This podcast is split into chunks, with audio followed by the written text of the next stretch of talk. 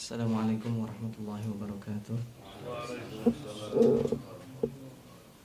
Bismillahirrahmanirrahim. Alhamdulillah, alhamdulillah rabbil alamin.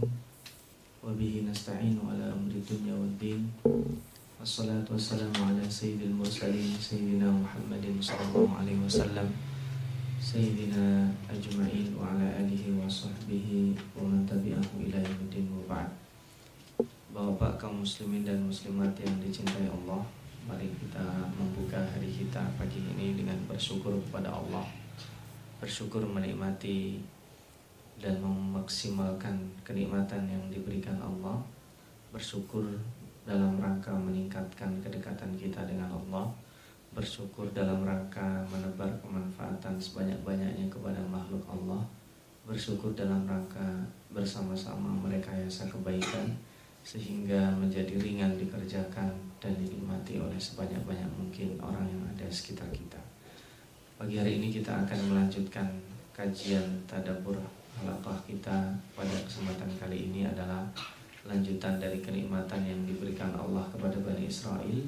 Sekedar menyambung beberapa pertemuan yang lalu kita telah membicarakan nikmat-nikmat yang Allah berikan kepada mereka yaitu nikmat yang terakhir yang disinggung adalah ketika mereka mendapatkan cobaan, mendapatkan masalah adanya kasus pembunuhan di tengah mereka. Yang diriwayatkan oleh Ibnu Katsir dalam tafsirnya menyebut beberapa riwayat di antaranya ada salah seorang laki-laki dari Bani Israel yang kaya raya tetapi tidak memiliki anak dan keturunan. Beliau memiliki saudara dan beberapa kerabat tapi bukan dari keturunannya. Dan singkat cerita laki-laki ini terbunuh. Nah, dibunuh oleh aslinya nanti akan diketahui dibunuh oleh keponakannya. Anak dari saudaranya. Dan setelah terbunuh mayatnya ditaruh di depan uh, seorang laki-laki yang mungkin terbiasa membuat keonaran. Tetapi laki-laki ini akhirnya menolak bukan saya yang membunuh dan memang bukan dia yang membunuh. Akhirnya saling tuduh. Itu satu riwayat. Riwayat yang lainnya diceritakan laki-laki yang kaya ini dibunuh, kemudian ditaruh di tempat yang ramai. Nah, ini ada beberapa riwayat yang intinya bahwa kemudian seperti nanti kita ya, tadaburi adalah fadaratum fiha, saling melempar siapa yang membunuh. Dan karena kesulitan investigasi ini akhirnya mereka berbondong-bondong menghadap Nabi Musa alaihissalam dan minta petunjuk. Dan Nabi Musa memberikan petunjuk uh, mereka disuruh menyembelih sapi. Seandainya ketika mereka disuruh menyembelih sapi kemudian disembelih selesai. Tetapi yang terjadi justru mereka memperpanjang dengan semakin banyak bertanya sapi yang seperti apa? Sapi yang tua atau yang muda? Setelah dikasih tahu oh dulu warnanya seperti apa setelah dikasih tahu warnanya e, karakteristik yang lainnya seperti apa? Macam-macam. Dan kita sekarang akan menadaburi bagian terakhir dari karakteristik sapi yang e, Allah berikan. Yang kedua kenapa sapi yang disuruh menyembelih? Sekedar review yang kita tadaburi pekan lalu. Karena supaya mereka juga hilang bekas-bekas mereka menyucikan atau mengagungkan sapi Walau bagaimanapun mereka pernah menyembah sapi emas yang dibuat oleh As-Samiri Salah satu pengikut Nabi Musa yang sesat. Nah ini supaya mereka e, terpecahkan bahwa sapi itu seperti hanya yang lainnya. Maka ini rahasianya kenapa Allah menyuruh sapi. Yang ketiga karena kisah inilah surat ini dinamakan Yaitu surat Al-Baqarah Yang dalam arti letterlocknya disebut dengan seekor sapi. Meskipun dalam beberapa terjemahan dalam beberapa tafsir disebut sapi betina. Tapi sesungguhnya ini adalah seekor sapi tanpa menyebut jenis kelamin. Kita akan memulai tadabbur kita lanjutannya pada ayat ke-70 insyaallah. A'udzu billahi minasyaitonir rajim Bismillahirrahmanirrahim. Qalu du'u lana rabbaka yubayyin lana ma hiya. Innal baqara tashabaha 'alaina wa inna insyaallah lamuhtadun mereka melanjutkan bertanya. Kalau mereka bertanya, "Ud'u lana." Coba berdoa kepada Allah supaya menjelaskan kepada kami. Ini gampangannya adalah tolong katakan kepada kami. Mahia, sesungguhnya apa itu bakar? Innal baqara tasyabaha alaina sesungguhnya sapi yang Anda sebutkan itu banyak. Kami tidak tahu mana yang harus kami sembelih. Wa inna insyaallah muhtadun dengan harapan dengan itu kami mendapatkan petunjuk terhadap kasus yang uh, sekarang membelit kita. Apa sesungguhnya dan siapa pembunuhnya? Qala innahu yaqulu innaha baqaratun la dhalulun tuthirul arda wa la tasqil harfa. Ini lanjutannya ya. Allah mengatakan bahwa sapi yang harus kalian sembeli adalah sapi yang la dhalulun tuthirul arda. Sapi yang tidak pernah digunakan untuk membajak tanah. Jadi sapi yang tidak pernah dipekerjakan secara keras. Nah, kemudian yang kedua wala tasqil harsa juga sapi yang tidak pernah dilibatkan dalam proses tanam menanam. Nah, Siqayatul haraf itu memberikan uh, perairan, tidak digunakan untuk membajak tanaman, tidak juga digunakan untuk pengairan. Musallama, tidak ada aibnya. La syiyata fiha, tidak ada belang-belangnya. Di sini disebutkan la syiyata fiha itu tidak ada belang putihnya. Jadi warnanya kemarin adalah sofra, kuning yang uh, enak dipandang. Bukan kuning tua, bukan kuning muda, tapi kuning keemasan. Qalul an ji'ta bil haq. Oh, kalau gitu kami baru jelas. Ji'ta bil haqqi. Fadzabahuha dan mereka menyembelihnya wa makadu yaf'alun sesungguhnya mereka nyaris ya, jadi nyaris bahasa nyaris itu hampir saja mereka tidak mengerjakan. Nah, kenapa? Karena Diceritakan juga masih menurut Ibnu Kafir Sapi yang seperti itu tidak ada Sulit sekali dicari Mereka berhari-hari Hingga sampai kepada sebuah e, tempat terpencil Seorang memiliki sapi yang seperti disebut di sini Gak tua, tidak muda Warnanya kuning enak dilihat Tidak pernah dipakai membajak Tidak pernah dipakai proses pengairan Tidak ada airnya, tidak ada cacatnya Tidak ada belang-belangnya Warnanya kuning. Dan itu pemiliknya tidak mau melepas.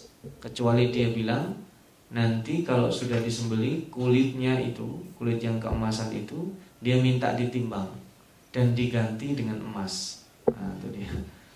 Nah, jadi mereka akhirnya tuh gimana nih akhirnya karena karena ini adalah membahas masalah kekayaan nah, mereka akhirnya ya nggak apa-apa karena kita akan mengungkap kebenaran dan mereka sepakat harganya itu adalah kulit itu ditimbang kemudian hasil dari timbangannya itu uh, diganti dengan emas. Nah, lalu proses berikutnya Allah katakan wa id qataltum nafsan fadara'tum fiha. Ini, ini namanya flashback ya. Kalau tadi itu disebut dengan dalam bahasa Arab disebut itnab. Itnab itu intinya satu tetapi di, dibentangkan secara panjang. Kenapa Allah Subhanahu wa taala tidak mengatakan misalnya Bani Israel bertanya setelah diberikan perintah menyembelih sapi, melih sapi mereka bertanya, Bertanyanya adalah sifat-sifat yang diberikan Allah. Bisa saja Allah mengatakan sifatnya adalah A, B, C, D dalam satu ayat. Tetapi di sini ada prosesnya. Proses mereka dikasih satu jawaban tidak puas. Menjawab lagi, ditanya lagi, menjawab lagi. Itu proses supaya kita bisa memvisualisasi betapa, mohon maaf dalam tanda kutip, menjengkelkannya mereka. Punya masalah dikasih solusi, nggak puas. Nah ini uh, yang menarik supaya kita bisa memvisualisasikan itu. Itu disebut dengan itnab.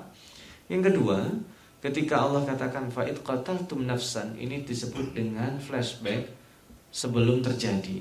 Dan ingatlah, nah ini adalah nikmat berikutnya. Kita masih kemarin kan id najainakum ketika Allah selamatkan. Id id id itu adalah supaya kita ingat. Wa id qataltum nafsan dan ingatlah ketika kalian membunuh seseorang. Ini yang menarik. Pakar bahasa seperti uh, Az-Zajaz dan sebagainya, teman-temannya ada Al-Farra dan sebagainya dalam ma'anil Quran mengatakan wa id qataltum nafsan. Ini singkatnya adalah plural, padahal yang melakukan pembunuhan satu orang. Apa maksud Allah? Wa id qataltum nafsan. Ketika kalian Anda semua membunuh seseorang, orang yang kayak itu, menurut Az-Zajjaj ini supaya dirasakan bahwa mereka semua terlibat dalam proses kejahatan itu. Terjadinya kejahatan itu tidak mungkin tiba-tiba. Ketika ada kejahatan, sebenarnya orang-orang yang ada di sekelilingnya itu terlibat. Nah, ini satu. Ada analisa kedua. Analisa kedua menurut uh, Al-Alusi, Sihabuddin Al-Alusi mengatakan ini bisa jadi yang melakukan pembunuhan lebih dari satu. Otaknya bisa jadi tidak melakukan pembunuhan. Tetapi yang melakukan pembunuhan adalah orang lain dan itu yang terjadi di seperti sekarang. Biasanya otak pembunuhan itu jauh dari akses pembunuhan. Nah, mohon maaf misalkan otaknya dia ketawa-ketawa orang yang mulia, tapi yang melakukan pembunuhan itu adalah pembunuh bayaran. Terjadi sekarang seperti ini ya. Ini analisa kedua. Analisa ketiga masih menurut uh, Al-Alusi, wa id qataltum nafsan fadara'tum fiha. Ini karena aspeknya atau efek dari pembunuhannya itu melibatkan kalian semuanya. Ini diperkuat dengan fadarotum fiha. Dari kata-kata fadarotum fiha. Kalian saling melempar satu sama lainnya. Nah itu sama dengan membunuh kan. Kalau diteruskan tidak ada solusi di antara mereka akan saling bunuh. Itu tiga analisa itu menurut pakar bahasa bisa dipakai di sini. Tetapi berdasarkan hadis yang disebutkan Ibnu Kasir, maka yang yang mendekati uh, enak kita pakai adalah yang pertama. Karena yang membunuh itu sebenarnya satu orang. Meskipun yang terlibat pembunuhan banyak, otaknya tetap satu orang. Dan ketika mereka dia mencoba mengalihkan, itu pada dasarnya tidak bisa uh, terselamatkan. Nah akhirnya apa yang terjadi? Wallahu mukhrijum ma kuntum taktumun. Ini selingan jadi supaya mereka mengingat. Nah, melanjutan dari tadi setelah mereka menyembeli, fakulna kata Allah, idribuhu bi ba'diha. Pukullah mayat itu dengan sebagian anggota tubuh sapi yang kalian sembeli. Jadi ada yang bilang kakinya, ada yang bilang kulitnya, tetapi sebagian riwayat mengatakan ekornya. Jadi ekornya diambil, kemudian dipukulkan ke anggota badan mayat tersebut dan mayat tersebut bisa hidup kembali. Kadzalika mauta wa yurikum ayatihi la'allakum taqilun dan demikianlah Allah hidupkan al-mauta. Al-mauta di sini kenapa Allah tidak mengatakan al-mayyit? Al-mauta itu segala bentuk kematian itu hakikatnya yang tahu Allah. Jadi kita hanya tahu jenis mati satu mungkin ya. Jenis mati ketika ada seseorang uh, sudah tidak ada nyawa, sudah tidak ada jantung berdenyut dalam dirinya. Padahal jenis kematian banyak. Di antara yang terdekat kita adalah tadi malam ditidurkan Allah, itu adalah salah satu jenis kematian. Atau dikatakan al-maut as-sabir, kematian yang kecil. Jadi eh, tidur itu adalah kematian yang kecil. Allah menghidupkan itu prosesnya bagi Allah kecil, tidak ada masalah. Ketika seseorang tidur itu banyak fungsi yang tidak uh, bisa disadari Orang yang tidur dia tidak tahu apa yang terjadi di luar dia padahal ada di sampingnya. Di sampingnya ada ular dia tidak tahu. Di sampingnya ada orang menangis dia tidak tahu. Di sampingnya bahkan ketika dia tidurnya ngeblok bahasa kita, dia tidak tahu ada goncangan, ada benda keras terjatuh di sampingnya. Itu mauta. Jenis-jenis kematian itu Allah yang menghidupkan dan ditambah wa yurikum ayatihi la'allakum taqilun. Nah, kenapa? wallahu mukhrijum ma kuntum taktumun itu berhubungan dengan wa yurikum ayatihi la'allakum taqilun supaya mereka mau berpikir sesungguhnya Allah Subhanahu wa taala bisa jadi ketika Nabi Musa alaihi salam uh, mendapatkan pertanyaan kami ingin tahu siapa yang membunuh mereka jawaban kita kenapa nggak Allah langsung turunkan yang membunuh si A itu adalah keponakannya kan bisa ya ya kan Kenapa tidak langsung Allah berikan kuncinya yang membunuh si A adalah si Fulan, keponakannya. Tetapi harus melalui proses. Itu satu supaya menyingkap kepribadian asli. Jadi eh, kita akan memahami ya, wa qataltum nafsan itu kerusakan sosial. Jangan dilihat dari satu orang yang terbunuh itu, dilihat struktur sosial masyarakat. Ketika mohon maaf eh, akhir-akhir ini kita ada berita ya kecelakaan lalu lintas ada seorang anak kecil yang itu adalah akumulasi. Contohnya satu ya kan? Tetapi sebenarnya itu secara sosial itu lebih dari itu. Ada banyak kasus itu tapi yang terungkap satu nah ini namanya bukan kita tidak menamakan kerusakan sosial struktur sosial masyarakat itu Allah ingin ungkap itulah makanya Allah katakan wallahu mukhrijum ma kuntum taktumun Allah yang mengeluarkan yang kalian uh, sembunyikan. Allahu mukhrijum ma kuntum taktumun. Ini struktur sosial yang tidak sehat Allah ingin ungkap. Ternyata kalau di sini konteksnya adalah struktur sosial yang tidak sehat itu mereka tidak menjalankan perintah Allah. Berusaha sebisa mungkin menjauhi perintah Allah. Ketika sembelih sapi, itu kalau sehat langsung disembelih. Tapi karena tidak sehat, sembelih sapi, sapi yang gimana? Pertanyaan mereka bukan pertanyaan yang ingin tahu, tapi pertanyaan yang menghindar. Ketika ditanyakan, bayarlah zakat. Nah, pertanyaan yang orang yang ingin tahu akan berbeda dengan pertanyaan orang yang menghindar dari bayar zakat. Itu akan bisa diketahui ketika prosesnya berbelit-belit, pertanyaan sangat banyak. Atau mungkin naiklah haji, tunaikan zakat, puasalah, pertanyaan yang akan mengakibatkan seseorang itu memperlambat terlaksananya kewajiban itu Allah akan ungkap. Lambat laun cepat atau uh, lambat. Nah ini yang bisa kita ambil hikmahnya. Ada hikmah lagi. Ketika Allah katakan wa yurikum ayatihi la'allakum ta'qilun supaya orang menggunakan akalnya bahwa Allah mudah memberikan kunci yang bunuh adalah si A adalah keponakannya tetapi Allah menginginkan seseorang berusaha dulu dan usaha itu tanpa menyerah sebenarnya. Ini yang tempo hari sudah kita tadaburi bahwa Allah tidak pernah atau bahkan tidak mungkin memberikan kita cuma-cuma tanpa kita melakukan usaha. Padahal kalau dilihat dari dari kisahnya sebenarnya mustahil ada seorang yang sudah mati bisa hidup kembali. Tetapi ini terjadi. Dan prosesnya seperti tadi. Dan ketika orang itu hidup, dihidupkan, itu dia kepentingannya cuma satu. Mengatakan bahwa saya dibunuh oleh si fulan dibunuh seperti ini sekarang orangnya ada di sini setelah itu dia mati lagi. Jadi dia hanya dihidupkan untuk membuktikan ayat-ayat Allah saja. Seperti hanya ashabul kahfi. Ashabul kahfi itu dihidupkan sebagai ayat Allah. Setelah itu mati lagi dan ketika ini kisahnya tidak disebutkan di dalam Al-Quran kisah ini masih memungkinkan di zaman kita masih ada kemungkinan orang setelah mati bisa hidup kembali. Tetapi fungsinya apa? Liyurikum ayatihi la'allakum ta'qilun. Fungsinya hanya untuk menunjukkan tanda-tanda kebesaran Allah.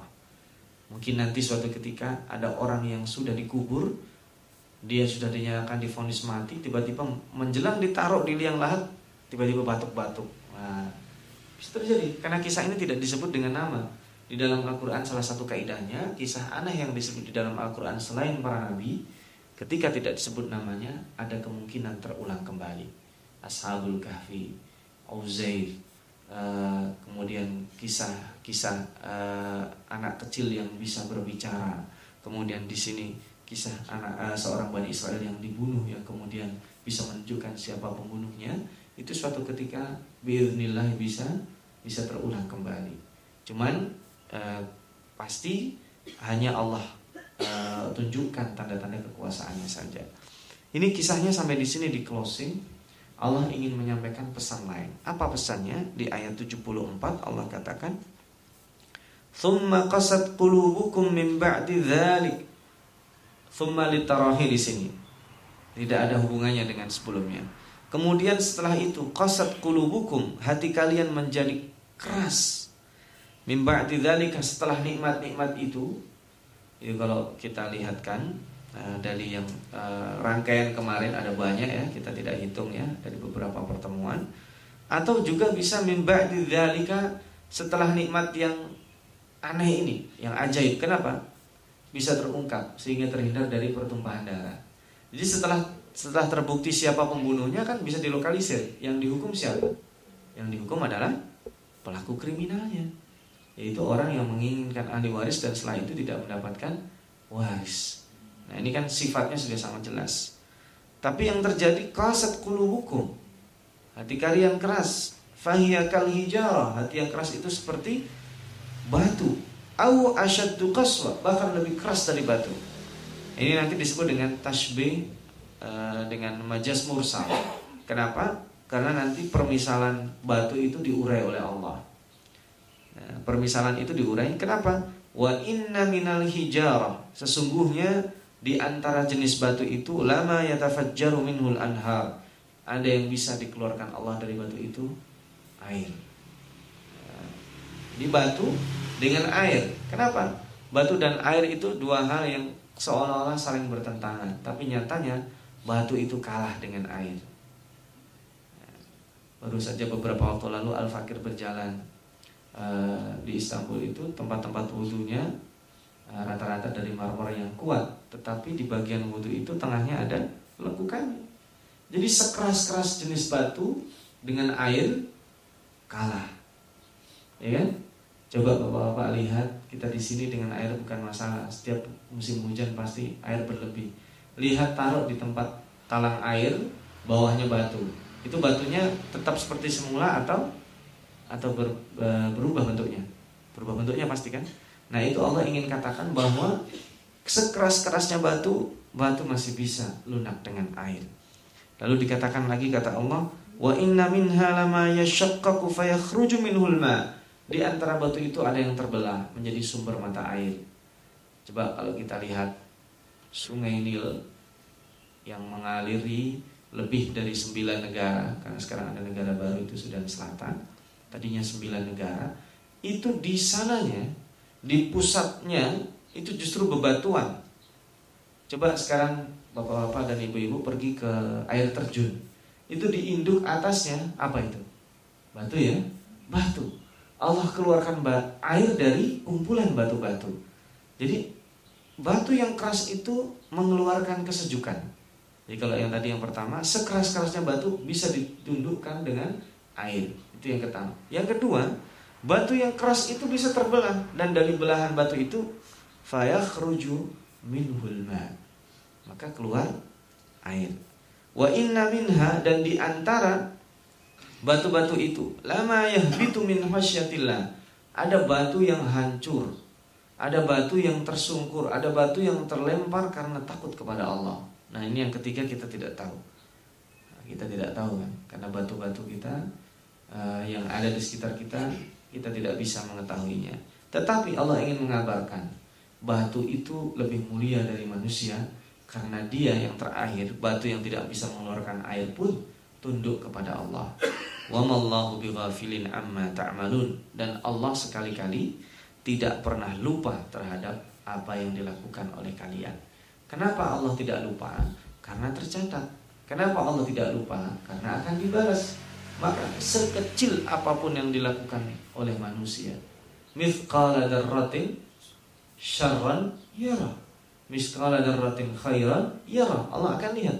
Sebenarnya bukan dilihatnya itu, tetapi akan dibalas oleh Allah. Maka kata-kata wallahu bighafilin ini ini adalah menandakan bahwa Allah tidak pernah la ta'khudhu sinatun wala naum. Bukan hanya sekedar la ta'khudhu sinatun wala naum, di kanan dan kiri kita ada malaikat mencatat perkataan dan perbuatan kita.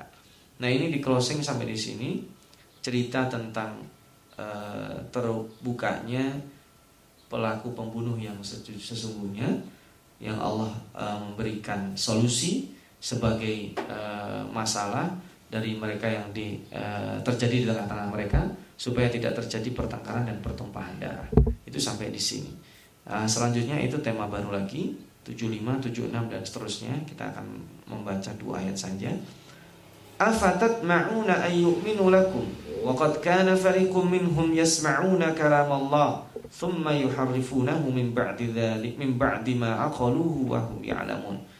Ini kepada kita. Kalau tadi wa'id qataltum itu kepada Bani Israel. Allah kisahkan kepada Nabi Muhammad. Kalau sekarang ini kepada Nabi Muhammad dan para sahabatnya. Apakah kalian Muhammad dan teman-temanmu dan sahabat-sahabatmu berharap atoma toma itu berharap dengan sangat. Eh, jadi konotasi tamak itu negatif tapi sebenarnya bisa positif. Saya tamak haji, ingin haji. Nah, itu tamak yang boleh ya. Saya ingin haji dengan cara apa pun. Jangan ketawakan saya, jangan ketawakan profesi saya. Itu disebut dengan tamak. Afatat ma'una itu melebihi dari kenyataan yang terlihat. Itu disebut tamak. Kalau saya mau makan, di depan saya ada makanan, itu bukan tamak. Kenapa? Karena sudah tersedia. Yang disebut tamak itu kelihatannya tidak akan sampai. Coba kita lihat afatat ma'una ayyuminu lakum apakah kalian sangat berharap mereka orang-orang yang tadi disebut bisa beriman kepada kalian kenapa Waqad kana fariqum minhum di antara mereka yasma'una kalam Allah. Mendengar kata-kata Allah yaitu Taurat, thumma yuharrifuna. Kemudian mereka distorsi, mereka ganti itu Taurat. Nah, mimba dima aqaluhu wa hum ya'lamun. Mereka tahu itu benar, tetapi mereka ganti. Orang yang kayak gitu kalian harapkan beriman? Pastikan jawabannya ya beriman aja untung. Jadi mereka nggak ganggu aja untung, nggak usah beriman nggak apa-apa. Jadi ini disebut dengan tamak, tetapi tamak yang positif, tetapi Allah ingin menegaskan bahwa orang-orang yang mempunyai perilaku sosial seperti yang tadi disebut di atas, itu jangan terlalu kalian harapkan beriman. Ini satu. Yang kedua, sifatnya wa idza amanu qalu amanna. Orang-orang ini ketika berjumpa dengan orang yang beriman, bahasa basinya kami beriman. Wa idza ila ba'din.